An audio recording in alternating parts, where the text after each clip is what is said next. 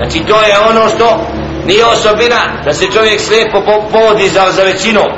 za pojedincem da zna zašto je to tako ispravno pita mu hođu zašto činiš to i to je to tako zbog čega pa kada ja znam da to nije ispravno ja znam da to nije ispravno i radim neispravno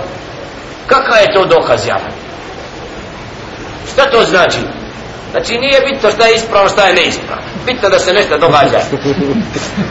E, to je odgovor. Znači, nije bitno, jer bitno da se događa nešto. To kod nenormalni može tako ja, da. Kod normalni ne Normalan kad vidi da nešto neispravno dođe mu dokaz od Allaha Subhanahu Teala i poslanika njegova, ili će ga prihvatiti, znači on će sa to prihvatiti i pokoriti se, ili će u njegovom srcu doći do sukoba da li vjeruje ili ne vjeruje u ljudima. Jer ako odbijamo dokaze i znanje nakon što dođe, što to znači?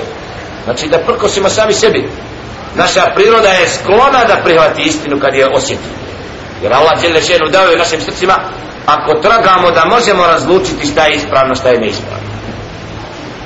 Nam, kad kaže subhanallah, subhanallah, subhanallah i sad sam razmišljaš o tome i kad sve pogledaš u te spi, ko je ispravnije? Da, ne može biti nikako isto, ovaj koji srcem Allaha veliča i slavi, onaj koji samo broji i ne razmišlja šta govori.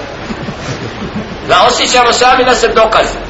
da je to uputa i tako jeste istina svaki ibadet koji je propisan kako ga je sallallahu alaihi sallam izvršavao kad ga izvršavamo naše biće duboko osjeti smisa u tome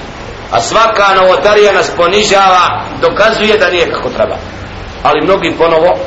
znaju šta je istina a neće da je ostavio godinama zato ovdje ovaj ajed potvrđuje iz zavisti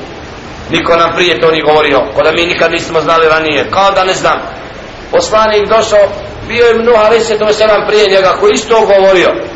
prije Jusufa, prije Porcije, bilo ljudi koji su govorili ovdje neke stvari, ali ko je prihvatao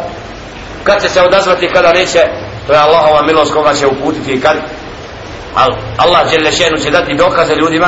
da ne bi mogli reći na sudnjem danu nismo znali